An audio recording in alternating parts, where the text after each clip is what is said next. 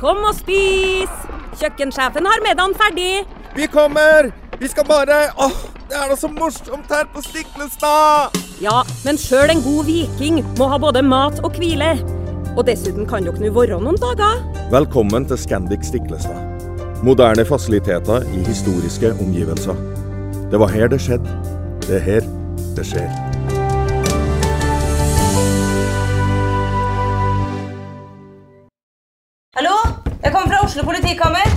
Ine Jansen er purk. Er du purk? The motherfucking bitch. Alt jeg vil, er å finne ut hva som skjedde med mannen min. Jon Carew. Er jeg sikta for noe? Iben Akeli. Det er du. Ole So, Lars Berrum og Big Daddy Karsten. Hvem sin side er du på, egentlig? Anette Hoff, Tone Danielsen, Kommer du fra Afrika? Jørnis Josef, Nesten. Kløfta. Trond Espen Seim, Det er synd å si det, men det var feil mann som døde. Purk. Premiere tirsdag på TV2 Play.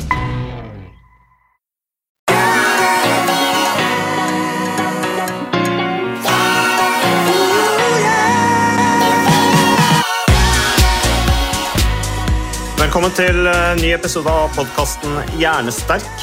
Det er, eh, nå er sommeren eh, så godt som over, Ole Petter. Vi skriver altså 13. august. Eh, sommerferien går så, så til de grader mot slutten. Jeg fikk åtte dager sommerferie i år. Eh, fornøyd med de åtte dagene. Men det var godt med litt, eh, litt ferie. Eh, og så eh, ser jeg jo, Ole Petter, at eh, du har jo også gjort litt av hvert i ferien, for jeg dumpa over, og jeg var ikke klar over det, men eh, jeg dumpa over altså, en artikkel i NRK eh, hvor du sitter på en terrengsykkel over et vann, og det ser unektelig ut som vidde i bakgrunnen. Eh, Betyr det at du har vært oppe i Finnmarksvidda og sykla det Finnmarks... Hva heter det for noe Finnmarksrittet der oppe? Ja, du, Det er definitivt en vidde du ser der. Den største vidda vi har. Det er Finnmarksvidda. Du, Det heter Offroad Finnmark, som er et uh, stort mosjonsarrangement eh, i Alta. Starter i Alta med forskjellige sykkelritt, forskjellig lengde. Eh, Sprintdistansen som jeg var med på, den er kun 150 km. Og ja. den lengste den er 700 km. Altså 700 km på sykkelen i tøft terreng. Men og da skulle man jo kanskje tro at dette er et arrangement som kun appellerer til de topptrente toppsyklistene osv. Og, så og det gjør jo for så vidt det, for det er veldig mange ekstremt gode syklister med. Men majoriteten, 90% av de som er med, det er vanlige folk. Ja. Som, som er glad i å sykle. Så det er et ordentlig sånn mosjons- og folkehelsearrangement. Så jeg, jeg var med dit, og, og jeg kan jo fortelle en liten historie, fordi jeg har jo drevet med litt forskjellig opp gjennom uh, årene, mm, som har en sånn viss risiko. Jeg hopper mye fallskjerm, blant annet. Mm. Og det vet jo alle, det er jo noe som Det er en kalk kalkulert risiko å drive med det. Der har jeg aldri skada meg i det hele tatt på nesten 8000 hopp. Nei. Men jeg holdt på å parkere tøflene på vei til Finnmarks, eller det Offroad Finnmark. da. Jeg hadde vært i, i Tønsberg, hoppet NM i fallskjerm i slutten av juli. Og så skulle jeg da ta turen oppover til Alta. NM tok litt lengre tid enn planlagt, for det er veldig væravhengig. Så jeg fikk litt dårlig tid. så jeg, Det var ikke noe fly til Alta, så jeg måtte fly til Tromsø. Mm. Jeg landa der klokken 11 om kvelden. Og ble da hentet av en sjåfør fra Offroad Finnmark. Veldig hyggelig fyr. Ja, De er så gjestfrie der oppe. De er så på Supergjest. Du, vet hva? Ja. Jeg ble tatt så, så godt vare på. Jeg kom jo litt i siste liten, så jeg hadde ikke sykkel, hadde ikke noe utstyr, men det stilte de opp med. vet du. Ja. Så, men iallfall så skulle vi da kjøre fra Tromsø til eh, Alta, og det er jo en kjøretur på fem timer pluss.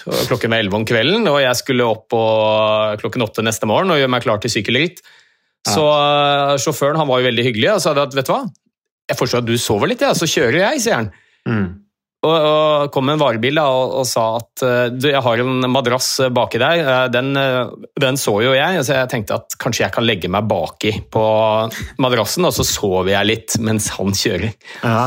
Eh, og vi kjørte av gårde, da, og hadde ikke gått mer enn en halvtime, vet du, så bråvåkna jeg av at bilen var i ferd med å tippe, og jeg hørte noe brak og smell og skrik. Så da hadde jo han sovna bak rattet. Nei, hadde han det? Jo, jo. Ja da, og, og ja, og det er, det, det er jo sånn som kan skje, og idiotisk av meg selvfølgelig å legge meg bak i en varebil uten å være stroppa fast. Mm. Men jeg var så trøtt. Så, Men jeg, jeg bråvåkna da. Mm. Og heldigvis så gikk det bra. Det var et sted hvor det var eh, ganske snilt terreng ved siden av veien, så vi var eh, godt ute av veien og holdt på å kjøre på noen reinsdyr. Og så at vi kom uskadet fra det, hele gjengen. Reinsdyret også. Så, Ja, men det var bra. Det, var bra. Så det, er det mye, tatt- det er så mye reinsdyr der oppe altså, at hvis du kjører ut, så er det liksom stor sjanse at du treffer et reinsdyr. Nei, jeg vil vel ikke si det, men eh, det er iallfall Det er ganske mye reinsdyr, så vi så flere av dem. Så, Ja. Men det, det gikk heldigvis bra, og, og mm, da endte det opp med at det var jeg som kjørte han som la seg bak i, i stedet. Ja. Men eh, helt fantastisk arrangement, så jeg var der og, og syklet bl.a. med en tidligere rusmisbruker fra Idretten skaper sjanser, Mm. som da har brukt treningen for å bli rusfri. Ja, det var, en, Ja. det var i, i det hele tatt en kjempe, kjempekul opplevelse. Veldig kaldt, så hadde ikke noe følelse i finger og tær eh, underveis, men eh, fantastisk natur og fantastiske mennesker, og anbefaler alle å slenge seg med der, altså.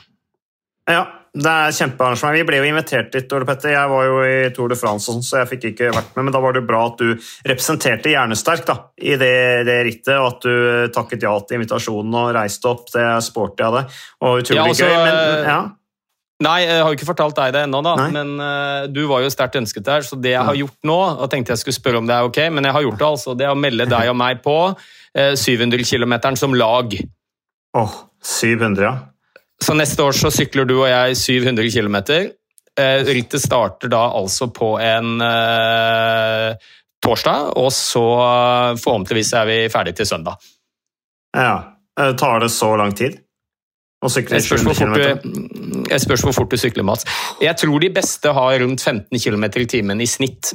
Og det er ganske mange eh, sånne obligatoriske stoppunkter hvor du må ha så og så mange timer søvn og sånt. Ok. Men Ja, ja. altså, dette er noen av de beste eh, syklistene i Norge. Jeg var Geir Lien, som du eh, Mm. kanskje har Eller vet jeg du har hørt om? Han, Ja, veteran i sykkelsporten. han er veteran. Det var vel han som vant i år, sammen med sin Mm. makker. Så um, Og det er ganske tøft eh, terreng, så det går unna, det, altså. Men Mm. Kult, da.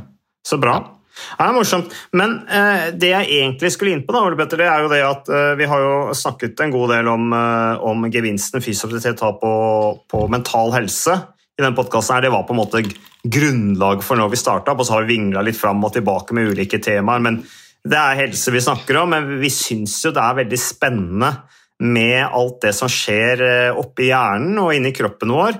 eh, eh, Helt uavhengig av om du veier eh, 150 kilo eller 60 kilo. Gevinsten er stort sett den samme. Men denne artikkelen jeg dumpa over, da, det er en NRK-artikkel skrevet av Trond Odin Myhre Johansen.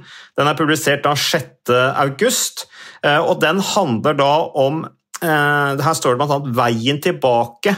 Halvparten av oss får depresjon en gang i løpet av livet. Eh, Og da er det, altså står det her da, det er to eksempler. For eh, Johannes Nonås Langhelle og Ole Petter Gjelle var trening en del av veien tilbake. Var det han Johannes du sykla sammen med der oppe, eller? nei, det var det ikke. Nei, det, så, Så dette er en det- helt annet, ja. Ja, det er egentlig litt uavhengig. Det er et bilde der som ble brukt mm. fra Offer og Finnmark, men dette har ikke noe tilknytning til Offer og Finnmark. Det var en eh, journalist som ringte meg et par dager etter Offer og Finnmark, som hadde Vet jo godt hva jeg jobber med, men også hadde lest en artikkel i Tidsskrift for Norsk legeforening. Det var en sånn profil av meg der for et par år siden, hvor jeg var veldig åpen om eh, min eh, periode hvor jeg var deprimert, og, og mm, hvordan jeg da til slutt klarte å, å bruke treningen for å komme meg eh, opp av knestående igjen. Mm, Ja, Det har de også snakket åpent om i, i podkasten vår. Det begynner å bli en stund siden, men, men det kan jo lytterne våre eventuelt gå tilbake og, og høre på.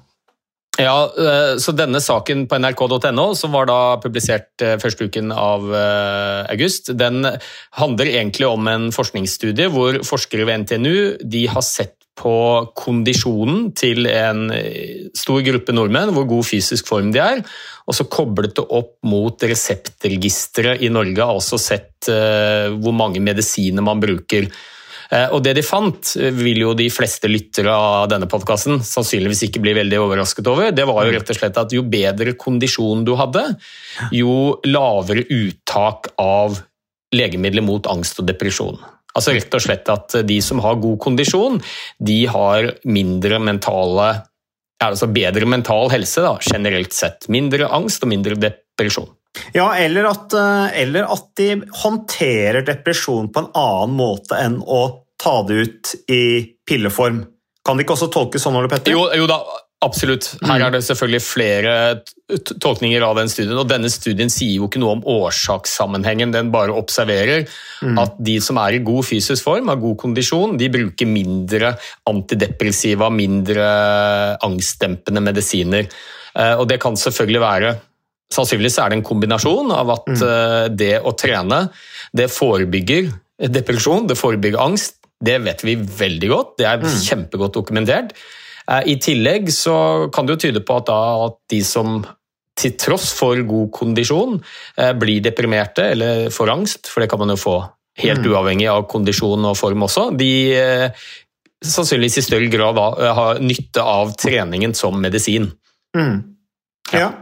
ja, altså jeg har aldri fått noen diagnose, jeg, har hjulpet det, men du har vært åpen om ditt, og, jeg tror alle det Her står det jo alle eh, Det er vel halvparten av oss opplever en depresjon i løpet av livet, var det noen statistikk som sa. Men, men altså for min egen del og veldig mange jeg snakker med, altså vi, vi har jo gode og dårlige dager, men hvis jeg føler meg trøtt, uvel og lei og deppa, så, så er det jo nettopp da jeg tar meg en joggetur. uh, Ja, og, jeg vet, og jeg vet jo hvis jeg ikke hadde gjort det og satt meg til, og det hadde sklidd ut, så hadde jeg sannsynligvis kanskje blitt det hadde vært en risiko for at jeg hadde blitt dårlig, jeg også.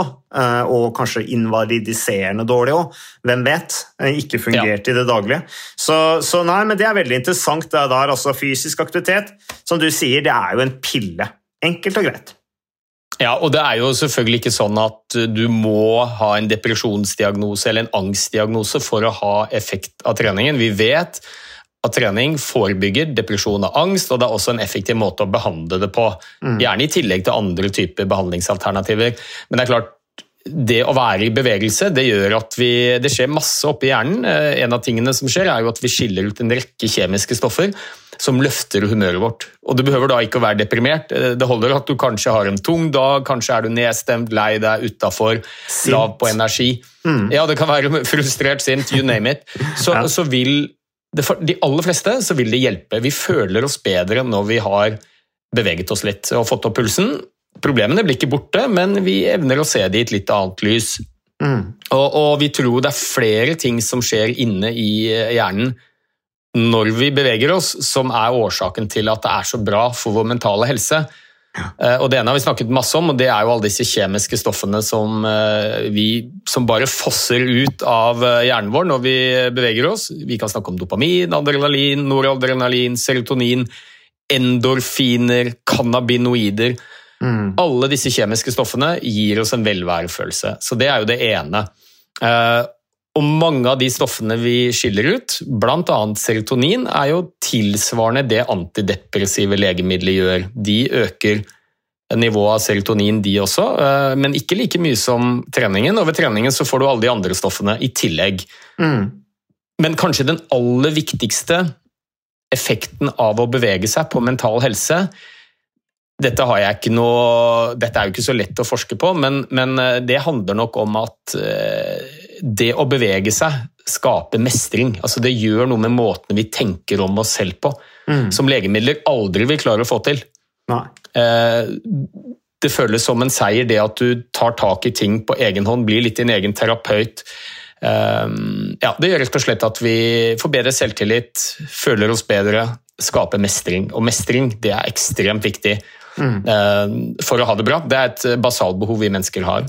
Og i tillegg eh, så er det jo sånn, og det snakker vi kanskje ikke så mye om, er jo at de som har hatt en depresjon, jeg er jo en av dem, og det er det mange andre som har hatt også, de forklarer ofte at depresjon er ofte veldig fysisk også. I tillegg til at man har kanskje tankekjør og nedstemthet og ikke finner glede ved aktiviteter man tidligere gjorde, så er det mange som får fysiske plager i tillegg. Ikke sant? Vondter, det setter seg i muskel-skjelettsystemet, man sliter med søvn. Eh, Vi vet at risikoen for å få hjerte-karsykdom, diabetes type 2, er betydelig økt hos de som har depresjon. Ja, Det av at det fører til stress, ikke sant? Mentalt stress. Ja. Og, og, og Eh, påfølgende inaktivitet. Blant annet. Ikke sant? Og, og der vet vi jo at fysisk aktivitet hjelper mot det også. Så alle disse fysiske plagene som ofte følger i kjølvannet av en depresjon, de vil du også bidra til å, å få hjelp med når du beveger deg. Og, så eh, av alle de tingene som fysisk aktivitet er effektivt mot, så er det kanskje best dokumentert dette med mentale utfordringer. Depresjon og angst. Og så vil jeg jo gjerne bare si en ting som For ofte så blir det iallfall i media, så blir det ofte sånn at treningen blir satt opp mot medisiner. Ikke sant? Trening istedenfor medisiner. Ja. Og det, og det tenker jeg er et veldig godt utgangspunkt hvis du har en eh, nedstemthet, en lett depresjon, eh, og du går til fastlegen din. Så, så tenker jeg at det å prøve å få inn litt mer bevegelse i hverdagen er kanskje det vi bør starte med. For for veldig mange så hjelper det tilstrekkelig at man kommer seg på beina igjen. Men det er klart, mange, og iallfall en del pasienter, trenger annen type behandling også. I hvert fall hvis vi snakker om tunge og dype depresjoner.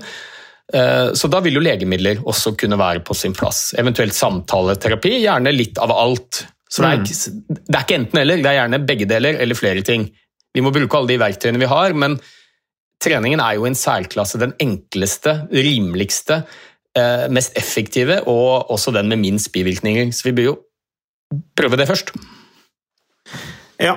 Um, og denne artikkelen her, så er det da altså deg, og så er det som, som forteller din historie, og så er det en forsker her som heter Audun Havden, uh, som forteller om en undersøkelse som baserer seg på 32, 32 000 trøndere. Uh, Og så er det han eh, andre som, eh, som uh, heter Johannes Nonås Langhelle, da. Eh, Som nå jobber i eh, Hva heter den? Psykisk helse, er det den organisasjonen heter? Um, uh, skal vi se ja, han, han jobber i hvert fall for eh, en av disse her organisasjonene som uh, jobber med psykisk helse. Jeg husker ikke hva den heter i, i hodet her, men det er jo en, er jo en, en stor organisasjon. Men hvordan, hvordan føler du nå, Ole Petter, at eh, at Hvilken status har fysisk aktivitet da, innenfor helsevesenet når det gjelder eh, mental helse, som jo har vært veldig høyt oppe på agendaen de siste årene? Mye pga. tragiske hendelser med folk som opplagt er psykotiske, som begår vold i samfunnet osv.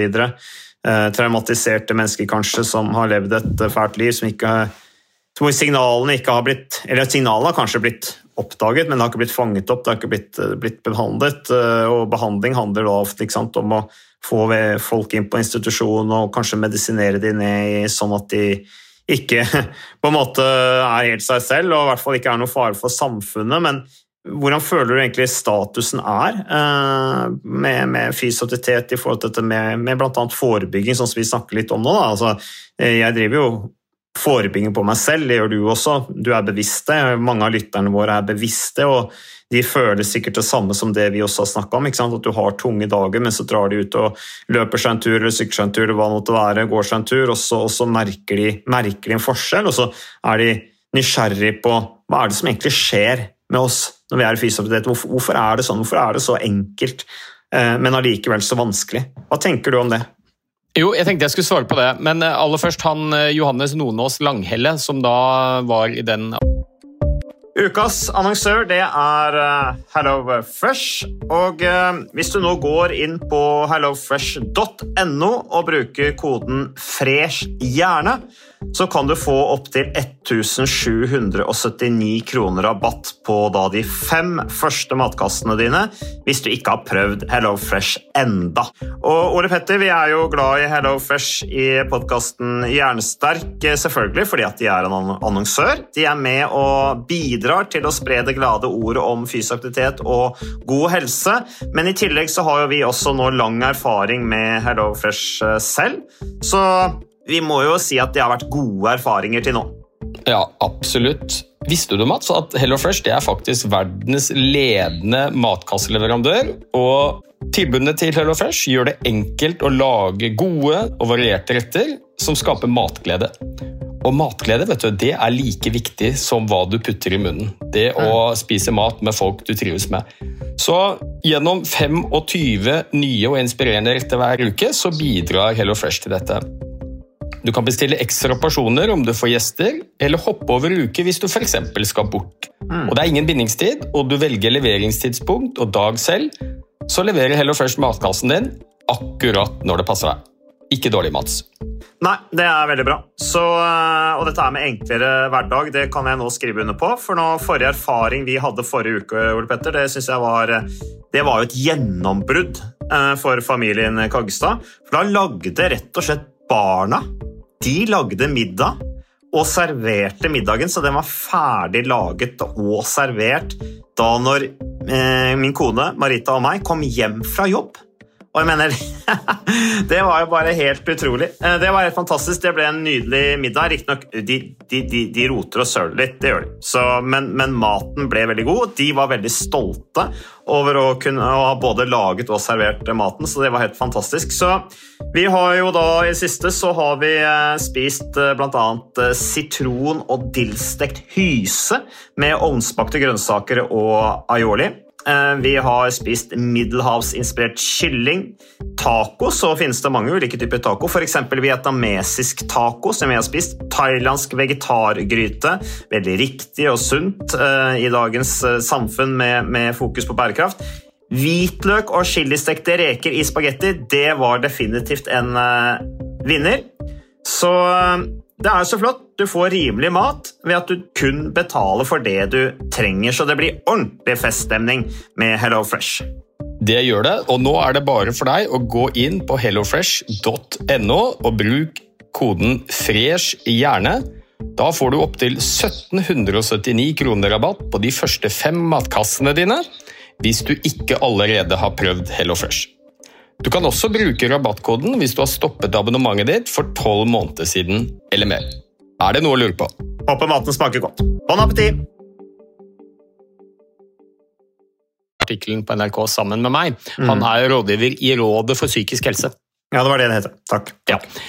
Du, altså Spørsmålet ditt er jo egentlig om denne behandlingen, altså bevegelse, fysisk aktivitet, som er veldig godt dokumentert. Har den fått den plassen den fortjener i helsevesenet vårt? Eh, og der er jo det klinkende klare svaret absolutt ikke. Ikke ennå, men eh, det er ting som er i ferd med å skje. Mm. Og jeg har jo nevnt det flere ganger før også. altså Dette har vært eh, det er ekstremt godt dokumentert i dag, men det har vært godt dokumentert i mange tiår. Og du vet jo bedre enn de aller fleste at eh, mye av den eh, dokumentasjonen som eh, det startet med, den kommer jo bl.a. fra Modum Bad og Egil Martinsen sin doktorgrad, og din far og din mor har jobbet der, hvor man over mange, mange år så at det å, å bevege seg, det var en av de viktigste behandlingsalternativene man hadde for, eller mot mentale lidelser. Like viktig, kanskje vel så viktig som legemidler og samtale. Ja, for jeg, Petter, bare beklager at jeg avbryter deg, for jeg blir litt sånn overraska når jeg leser disse artiklene her. Eh, og jeg har kanskje fått det litt inn med teskje, da, nettopp pga. det du nevner her, med, med Moder Bad og moren og faren min som jobba der nede, eh, med å etablere fysisk trening som en del av behandlingstilbudet. Eh, ikke fordi det var gøy, eller fordi at de trengte noe å drive med, men fordi at de forska på det og fant at dette her hadde åpenbar gevinst. Og det brukes jo, det er jo en av de få institusjonene, eller det er sikkert flere òg, altså, men, men det var i hvert fall en av de første institusjonene som virkelig aktivt tok i bruk fysioterapi som en del av behandlingen. Og så står det her sant, det er forskning på forskning på forskning. Eh, men men det, dette har vi jo visst lenge, men det må stadig mer forskning til. Ja, både og. Altså, dette har vi visst lenge. Uh, allikevel så har de ikke fått sin plass i eh, helsevesenet ordentlig før faktisk nå. Jeg skal si litt mer om det. Men det er jo flere grunner til at eh, det tar tid fra man har en dokumentasjon til det blir implementert i den praktiske hverdag i helsevesenet. Og jeg har vel sagt det flere ganger at Helsevesenet er som et gigantisk tankskip. Eh, kursendringer, selv om de er ganske små, tar veldig lang tid eh, å få til. Ja. det som er fint nå, er at for første gang nå så er fysisk aktivitet bevegelse det er nå inn inn, på vei inn i nasjonale anbefalinger for behandling av depresjon. Det er jo da anbefalinger som lages av fagpersoner på oppdrag fra Helsedirektoratet, som vi leger bruker aktivt når vi skal velge behandlingsalternativer for forskjellige pasientgrupper. Og Fram til nå så har ikke fysisk aktivitet hatt en plass i disse nasjonale anbefalingene, til tross for at det har vært veldig godt dokumentert i mange år. Hvorfor er det sånn? Jo, det ene er en sånn iboende treghet i systemet. Det tar lang tid fra vi finner ut nye i anførselstegn, behandlinger, til vi faktisk begynner å bruke dem. Mm. Men så er det jo noen andre ting også som kanskje er vel så viktig. eh, og Det ene er jo at vi som sitter og behandler pasienter, vi legene, vi, og dette er sagt så mange ganger at folk er kanskje lei av det, vi lærer jo nesten ikke noe om dette. Nei. Og det er klart, Sitter du som fastlege på hvilket som helst legekontor i Norge, så kan du være helt sikker på at absolutt alle fastleger i Norge kan masse om bruk av antidepressive legemidler. Det har vi lært masse om. Mm. Eh, Og Der vet vi hvilke medisiner som funker, og bivirkninger, og hvilke vi skal velge til forskjellige pasienter. Vi vet en del om samtaleterapi. Det er jo gjerne noe vi henviser til, f.eks. til kliniske psykologer. Godt dokumentert både medisiner og samtaleterapi. Mm. Men vi kan nesten ingenting om fysisk aktivitet, så hvordan skal vi da behandle pasientene våre med et verktøy som vi ikke har i verktøykassa? Så det er jo en av mine kjepphester at alle som jobber i helsevesenet med pasienter, og kanskje spesielt de som har direkte pasientkontakt og forordner behandling, f.eks. legene, men også sykepleiere, eh, må kunne mye mer om fysisk aktivitet som medisin enn det vi kan i dag. Mm. En annen viktig grunn det handler jo om økonomi. Eh, Og Det er jo ikke noe hemmelighet at eh, legemiddelbransjen har dype lommer, de har godt med penger, og, og bruker selvfølgelig eh, de musklene de har til å promotere sine behandlingsalternativer. Eh, Alle fastleger vet jo det, at vi får besøk av legemiddelkonsulenter som forteller oss og informerer oss om de nyeste antidepressive legemidlene. Eh, Og det er selvfølgelig salgsmøter. De vet at det er vi legene som skriver det ut, så de vil at vi skal vite mest mulig om disse gode behandlingsalternativene. Ja, og så sitter de, jo, de sitter jo på mye overbevisende forskning også, fordi at de må jo dokumentere effektene av disse pillene eller disse medisinene som skrives ut. Og da er det jo mye overbevisende sant, argument, argumentasjon de kommer med på at dette her fungerer, mens den jobben er jo ikke gjort i like stor grad rundt fysisk aktivitet. Fordi at det er Nei, noe vi har drevet med siden forfedrenes tid. Ja, og så er jo dette et uh, argument vi møter når vi snakker mye om fysisk aktivitet. Hvorfor har ikke det fått den plassen det fortjener i behandlingsrekken uh, mot depresjon? Så, uh, så handler det nok også litt om at det er ekstremt godt dokumentert dette med legemidler.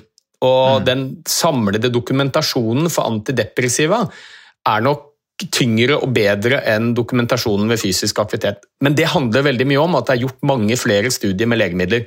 Ja. Og En veldig enkel grunn til det, forskning er dyrt. Hvem er det som sponser mange av disse studiene eh, på antidepressive legemidler? Jo, det er jo legemiddelbransjen selv.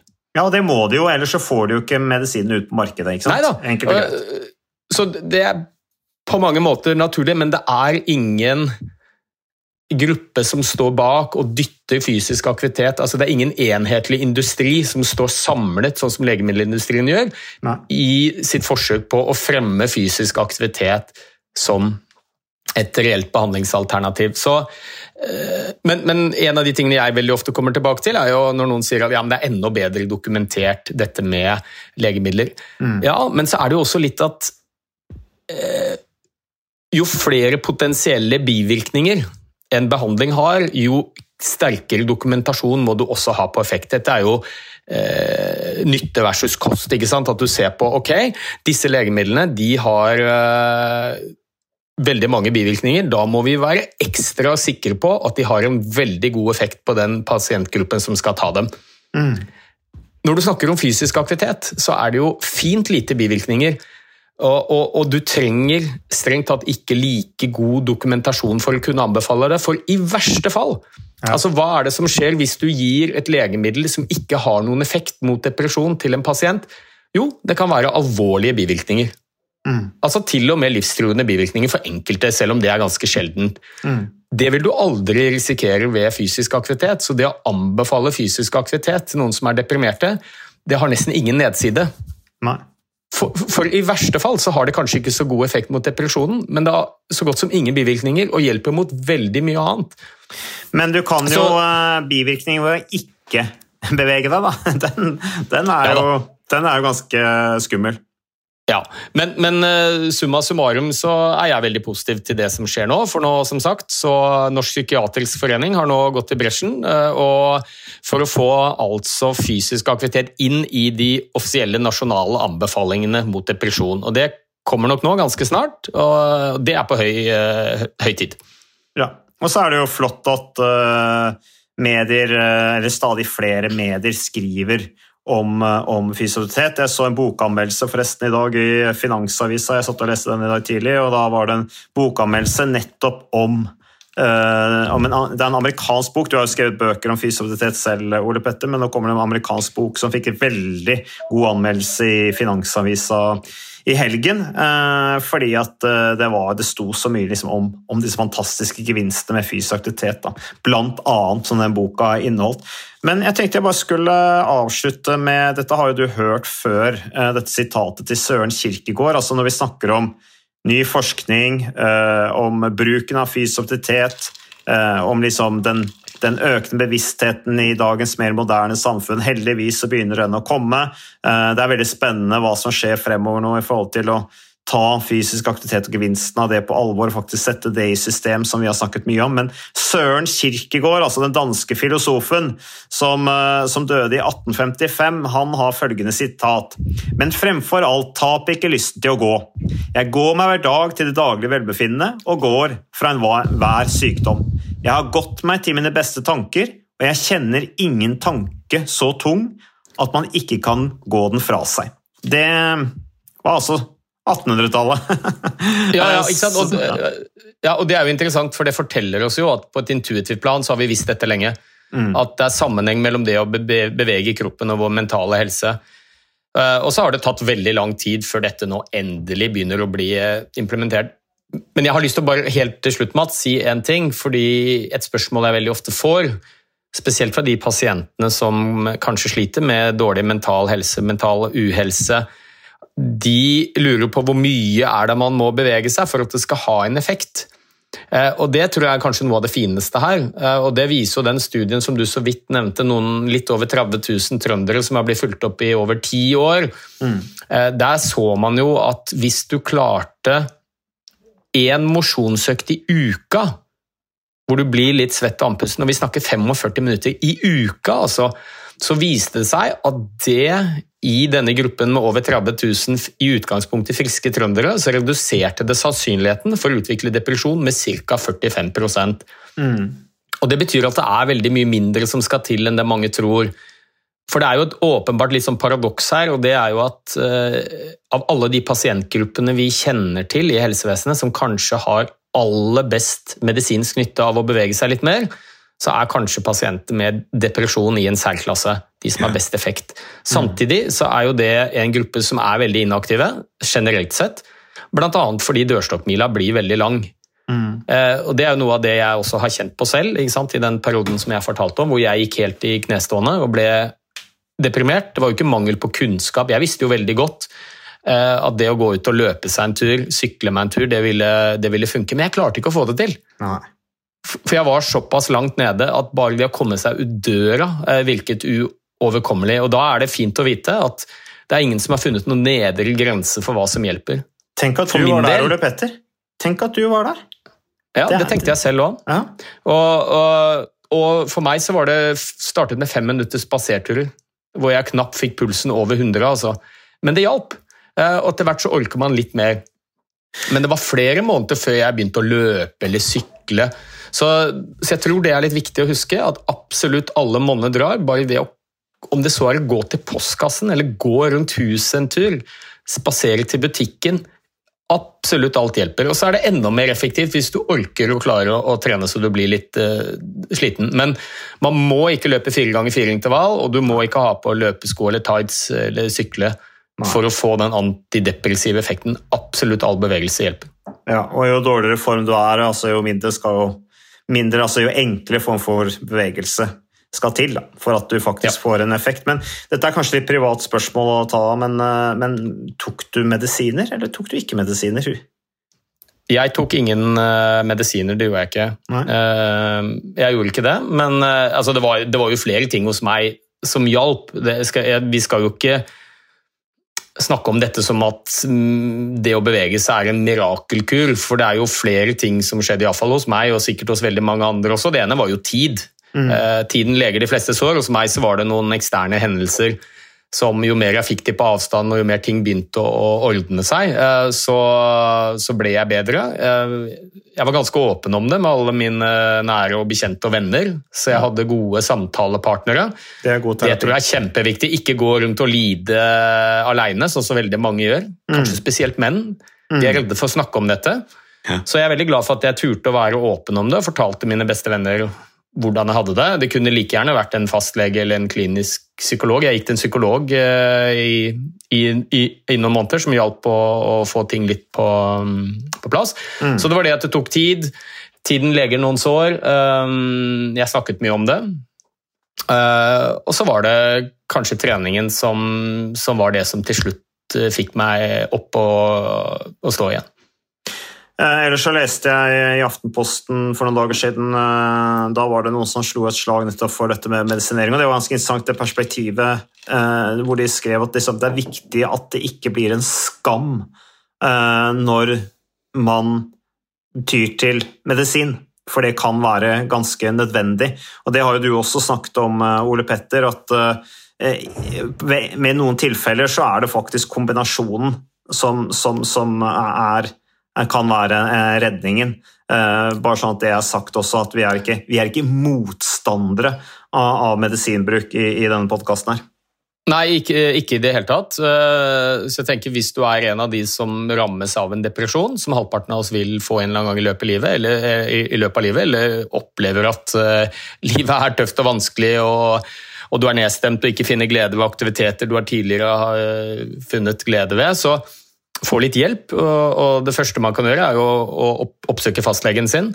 Eh, og For noen så vil medisiner være en god start. Jeg har hos ganske mange av mine pasienter som er ganske dypt deprimerte, så har vi startet med medisiner. For det er ganske enkelt å få pasientene til å ta også. De aller fleste ønsker jo en behandling.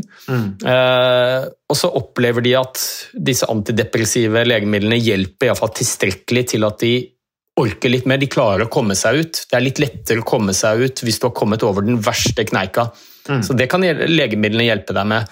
Og så syns jeg det er veldig fint, tror jeg det er viktig å ha noen å snakke med. Det er fortsatt sånn at depresjon er noe vi kvier oss eh, til å fortelle andre om. Mm. Nærmest som om det er en Ja, og det er ganske stigmatiserende, og det er nok fortsatt en del som tenker at det å ha en depresjon det sier noe om deg som person, at kanskje har du en svak syke eller eh, osv.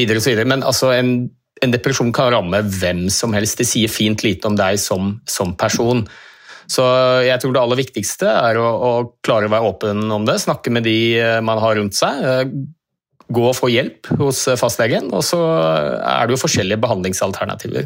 Mm. Eh, Eh, men jeg, jeg, tror veldig mange har mye å hente ved å, å, få litt mer bevegelse inn i hverdagen, og der må vi legene bli flinkere til å anbefale det. Mm, mm. Eh, bare til slutt her nå, bare til, tilbake til NRK-artikkelen med, med, han eh, Nonås Langhelle. Eh, som, eh, som også jobber i eh, Hva heter organisasjonen igjen, Ole Petter? Rådet for fysisk helse. Rådet for, for psykisk helse, ja.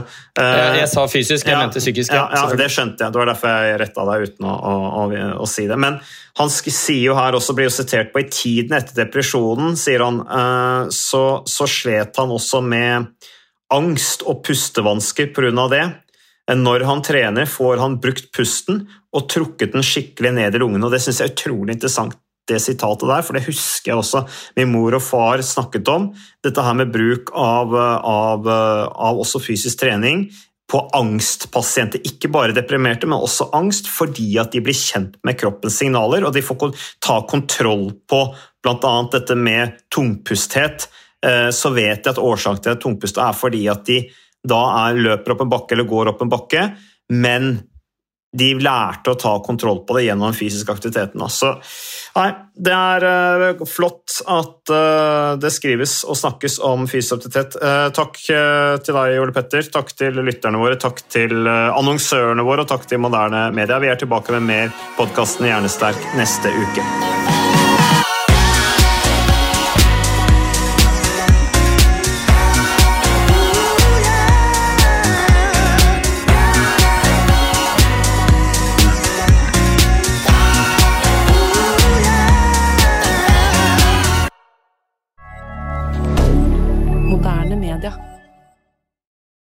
Har du et enkeltpersonforetak eller en liten bedrift? Da er du sikkert lei av å høre meg snakke om hvor enkelt det er med kvitteringer og bilag i fiken, så vi eh, gir oss her, vi. Fordi vi liker enkelt. Fiken superenkelt regnskap.